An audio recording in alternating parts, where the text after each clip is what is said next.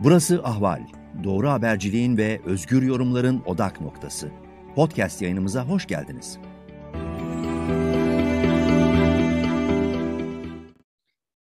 Merhaba sevgili Ahval dinleyicileri, ben Gülten Sarı. Bugün Mavi Yeşil ile karşınızdayım.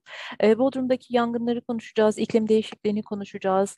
E, neden böylesine büyük yangınlar e, çıkmaya başladı? Sadece Türkiye'de değil, Akdeniz'deki birçok ilde benzer yangınlar çıkıyor. Kimi bölgelerde ise e, kar hiç kar yağmayan bölgelerde kar yağmaya başladı. Buzulların eridiğini görüyoruz. E, işte Ağrı Dağı'ndan e, gelen çakıl ve kumların ya da e, sel sularının e, verdiği zarara şahitlik ediyoruz. Yani Türkiye'nin bir tarafı yanarken bir tarafında yaz ortasında e, sel baskınlarıyla karşı karşıya kalıyoruz. E, peki bu durum karşısında hem yerelde hem de küresel bazda ne tür adımlar atılmalı? Bu bunca yıldır iklim e, değişikliği ile ilgili uyarı yapanların uyarılarına e, kulak asmamanın bedelini mi ödüyoruz dünyaca? Bunları konuşacağız. Elbette konuğum var. E, Yeşiller Partisi eş sözcüsü Emine Özkan. Emine Hanım hoş geldiniz yayına. Hoş buldum, merhabalar. Emine Hanım isterseniz önce Türkiye'den başlayalım. Günlerce ciğerlerimiz yandı.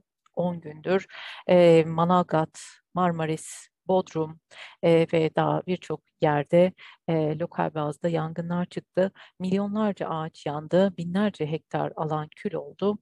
E, bu duruma nasıl gelindi? Yani sadece mesele burada iktidarın işte uçak uçakları yangın söndürme uçakları olmasına rağmen bunları bir türlü devreye sokamaması vesaire gibi süreçteki aksamalar, yanlışlar e, ya da ihmaller hı hı. dışında genel tabloya baktığımızda bu noktaya nasıl gelindi e, ne dersiniz? Sizin de bahsettiğiniz gibi yangınlar başladıktan sonraki sürecin nasıl e, yönetildiğini ayrıca değerlendirebiliriz ama daha oraya gelmeden belki de mevcut yaşanan bu ard arda e, yangın silsilesinin ve işte Türkiye topraklarında özellikle Akdeniz Havzası'nda yer alan bölgelerde bu kadar e, yıkıma neden olmuş sürecin e, biraz e, beklendik olduğunu söyleyerek başlamak gerekir. Yani e, iklim krizi ile mücadele edilmesi gerekiyor. İklim krizi var ve bunun bugünden itibaren e, olumsuz ciddi etkileri olacak diyenlerden e, biriydik biz Yeşiller Partisi olarak her zaman. Bizim e, bu argümanları sunarken elbette dayandığımız yer bilimin kendisi oldu. Bilim yıllardır aslında dünyadaki sistemin nasıl değiştiğini, özellikle fosil yakıt kaynaklarından ötürü ve dünyada dünya ülkelerinin ortaya koydukları politikalardan ötürü e, nasıl bir yıkım sürecinin içinde olduğumuzu, dünyanın ne kadar ısındığını vesaire bize söylüyordu ve bu ısınmanın aslında e, artık sizin de az önce ifade ettiğiniz gibi lokal bazda etkilerini daha sık görmeye devam edeceğiz. Dolayısıyla maalesef bu yangınlar bizim açımızdan tesadüf değil. Bu kadar ard arda çıkması da zaman zaman provokasyon sorularını beraberinde getirse de e, dünyanın birçok yerinin e, eş zamanlı olarak yandığını biliyoruz özellikle Akdeniz Havzası'ndaki ülkelerin. E, dünyada 40 farklı yerde e, birçok yangın devam ediyor. Komşumuz Yunanistan'da keza aynı şekilde çok yoğun bir yangın süreci var. Dolayısıyla bizim artık bunu e, değerlendirirken bunun iklim krizinden kaynaklı, dünyadaki dengelerin değişmesinden, ısının değişmesinden kaynaklı e, gezegenin bir hani uyum sağlamaya dair bir çığlığı olarak da görmemiz gerektiğine inanıyoruz. E, nasıl eğer ki e, iklim krizinden kaynaklı olduğu gerçeğini kabul edersek işte o zaman siyasilerin e, ve mevcut hükümetin bu konuyu ele alırken e, daha radikal, daha politika alanlarına dokunan ve iklim siyaseti yapacağı bir e, zemine ilerlememiz kolaylaşır. O nedenle biz e, sürekli ve sürekli bu, bu yangınların tesadüf olmadığını, maalesef sıklıkla yaşanmaya, bu, bu ve benzeri felaketlerin artık devam edeceğini ve e, siyasilerin bunu görerek e, bu konuda önlem alması gerektiğini vurgulamaya e, önem veriyoruz. Peki e, dediğim gibi az önce de e, iklim uzmanları yıllardır, e, çok uzun yıllardır uyarılarda bulunuyor. Önlem alınmazsa e, insanoğlunu çok kötü günler, zorlu günler bekliyor. Açlık, yoksulluk, e, su kıtlığı, Bunlardan bazıları değişen dengeler nedeniyle kimi yerlerin yaşanılamaz hale geleceği gibi distopik e, öngörüler ve yorumlar da vardı.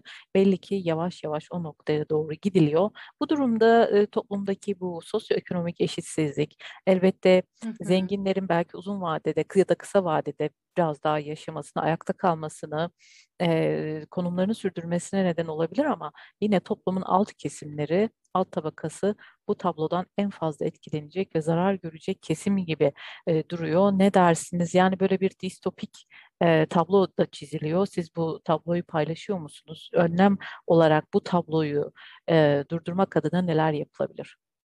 Hı hı. E, aslında iklim meselesi bir e, siyasi meseledir ve politikalarla çözülmesi gerekir e, dediğiniz anda tam da sizin ifade ettiğiniz bu eşitsizliklerden doğacak adaletsiz ortamın önüne geçmek için e, alacağınız önlemleri de konuşmaya başlıyorsunuz. Çünkü iklim krizi dediğimiz şey aslında e, dünyanın her yerini veya işte herkesi aynı şekilde etkilemiyor, etkilemeyecek de. E, toprakla uğraşan veya işte kadın ya da kız çocuklarının, e, çiftçilerin e, bu süreçten çok daha fazla etkileneceğini biliyoruz örneğin. E, mesela çok çok şu an hemen gözümüzün önünde e, orman yangınlarıyla birlikte e, hayvanlarını kaybeden veya işte arıcılık yaparken artık arıcılık yapacağı bir ormanı olmayan birinci elden tarımla, toprakla, işte hayvancılıkla vesaire uğraşan insanların şu an nasıl bir ekonomik gelir elde edecekleri e, çok büyük bir soru, cevaplanması gereken bir soru. Ve bu işte girişimcilerin veya işte yurttaşların kendi e, eline bırakılabilecek bir mevzu değil. Burada devletin etkili ve gerçekçi ekonomi politikalarıyla e, yaklaşım sergilemesi ve atılımda bulunması gerekiyor ki e, sistemli, kalıcı, e, devamlılığı olabilecek bir işte yeni bir gelir modelinin e, doğabilmesi mümkün olsun. E, dolayısıyla hani biraz çözümlere de geçtim gibi oldu. Bu adaletsizlik çok net. Yani iklim e, adaleti arayışı zaten hak savunucuları arasında oldukça yaygın. İklim krizinin herkesi, her kesimi e, farklı etkilediğini çok iyi biliyoruz. Ve burada bir adalet tesis etmek söz konusu olduğunda e, devletlere düşen en önemli şey mevcut ekonomilerini e, yeşil bir dönüşümden geçirerek ve bu yeşil dönüşümü gerçekleştirirken de adilane bir geçişi e, ilkesel olarak kabul ederek yeni bir sistem tahayyülünde e, bulunması. E, biz yeşiller olarak Türkiye için e, tek çözümün e, yeşil yeni düzen fikrine dayalı bir ekonomi modeli olduğuna inanıyoruz. Bu ekonomi modelinin kendisi enerji, gıda, tarım, su, orman bütün politika alanlarını da aslında yeni baştan düşünmeyi, iş modellerini, gelir getirici faaliyetleri yeni baştan düşünmeyi, iklim krizine uyumlu, e, belki yeni gelir ve iş modellerinin var edilebilmesini vesaire de içeriyor. E, bütün bunlara çözüm ancak ve ancak işte yeşil bir dönüşüm tahayyül edersek kapsamlı bir şekilde gelebilir.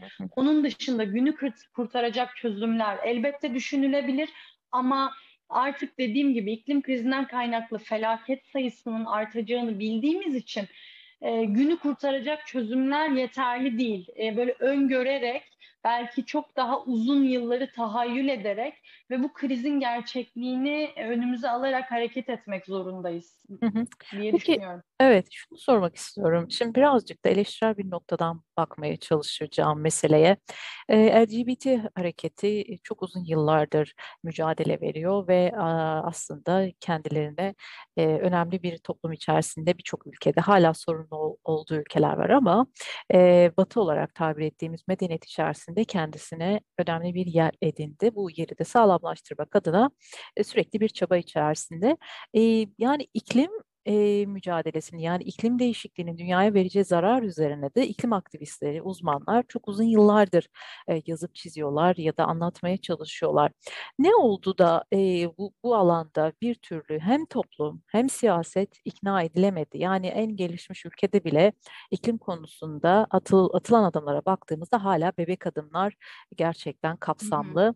E, dönüşme yönelik e, büyük adımları göremiyoruz hala. Göremiyoruz. E, ne oldu? Yani insanları e, ikna etmede ne eksik kaldı da bugün e, ya, bu büyük yangınlar karşısında bile işte PKK yaptı, şu yaptı, bu yaptı gibi geçici böyle ya da e, gerçeğe dayanmayan e, bahanelerle yine o iklim hı hı. krizi perdelenmeye çalışılıyor. Ne dersiniz? Ya burada iki nedeni birbiriyle ilişkilendiriyorum aslında. Bir tanesi e, iklim krizine neden olan en önemli e, fail görebileceğimiz şey fosil yakıt kullanımı. Yani petrol, doğal gaz, kömür gibi madenler ve bu madenler aslında başta gelişmiş ülkeler olmak üzere gelişmekte olan ülkeleri de kapsayacak şekilde endüstrinin ve ekonominin e, birincil e, gerekliliği şu anki sistemde. Buraya dayalı bir e, üretim ve tüketim ilişkisi içindeyiz ve burada işte ülkeler aslında ciddi bir şekilde kendi varlıklarını e, bu kaynaklara borçlu olarak ekonomilerini ayakta tutuyorlar, işte toplumlarını e, ve işte ürettikleri e, üretim tüketim ilişkilerini ayakta tutuyorlar. Ve e, COP zirveleri işte iklim müzakereleri süreçlerinde de yıllardır burada birbirlerine lobi yaparak e, senin sorumluluğun benim sorumluluğum, senin daha çok sorumluluğun benim daha az sorumluluğum şeklinde bir orta yol bulmaya çalışıyorlar. Ama hala dediğiniz gibi Batı ülkelerinde de işte Türkiye'de de farklı işte Doğu ülkelerinde de maalesef e, gerçekçi ve samimi adımları görmekte zorlanıyoruz. E, bu birazcık dediğim gibi ülkelerin mevcut e, ayakta kalmak için ihtiyaç duydukları sistemlerin e, buraya dayalı olması. Ama burada e, şöyle şunu da ekleyeyim, hani birbirle ilişkili görüyorum dediğim neden yurttaşta karşılık bulmuyor sorusu da biraz tam da işte belki siyasiler burayı o kadar e, görmemizi istemediler ki yurttaşların görmesini istemediler ki uzun yıllar boyunca. Çevre meseleleri her zaman siyaset üstü ve çok kişisel vicdanlarla e, değerlendirilen meseleler oldu. Yani çevreciyim algısı hala işte sokağa çöp atmamaktan e, belki işte çevremizi kirletmemekten vesaire ibaret görülüyor. Bütün bu e, rant ilişkilerinin ve işte oradan gelir getirici faaliyet ilişkilerinin e, bizim işte doğamızla ve e, sahip olduğumuz hava, su, toprakla ilişkisi ve bize nasıl zarar verdiği veya bizden neyi çaldığı konusundaki bağlantı her zaman gölgede bırakılmaya çalışıldı. Ve e, mesela Türkiye özelinde bu konunun bu kadar siyaset üstü görülmesinin en önemli sebeplerinden biri herhangi bir muhalefet partisinin iklime dair ya da çevre politikalarına dair konularda oldukça zayıf bir karnesi ve e, tecrübesinin olmasıyla ilgili. Sırf bu yüzden bile yani bu meseleleri siyasetin öznesi olarak kabul edebilmek için bile biz bir yani Yeşiller Partisi'ne Türkiye'de ihtiyaç olduğuna inanıyoruz. E, konuların siyasileşmesi gerekiyor işin özü. Politika, e, ortaya konan politikalarla bağlantının kurulması gerekiyor. Herhangi bir hektarlarca orman yandığında onu geri getirmenin tek çözümünün işte bir sivil toplum örgütüne fidan bağışı yapmak olmadığını yurttaşların görmesi gerekiyor. İşte bu olurken yani siz bir fidan bağışlayıp o ormanın tekrar yeşereceğine dair kendi zihninizde umut ederken bir taraftan işte bir e, şirketin Akbelen'de yangın bahanesiyle ağaçları kesmesine evet. izin veren hükümeti de görüyor olmanız, eleştiriyor olmanız ve bunu yapma, yapmayacaksın diyebiliyor olmanız gerekiyor. Bu bağlantının kurulabilmesi, bir şeylerin değişmesi için ve iklim meselesinin de diğer hak alanlarında olduğu gibi daha başarılı olabilmesi için oldukça elzem. Peki son olarak ben sizden bir ya da birkaç e, cümle rica edeceğim. Hem toplumu hem de siyaseti bu konuda kendine gelmeye davet etmek adına çarpıcı bir cümle hı hı. söyleseniz ne dersiniz?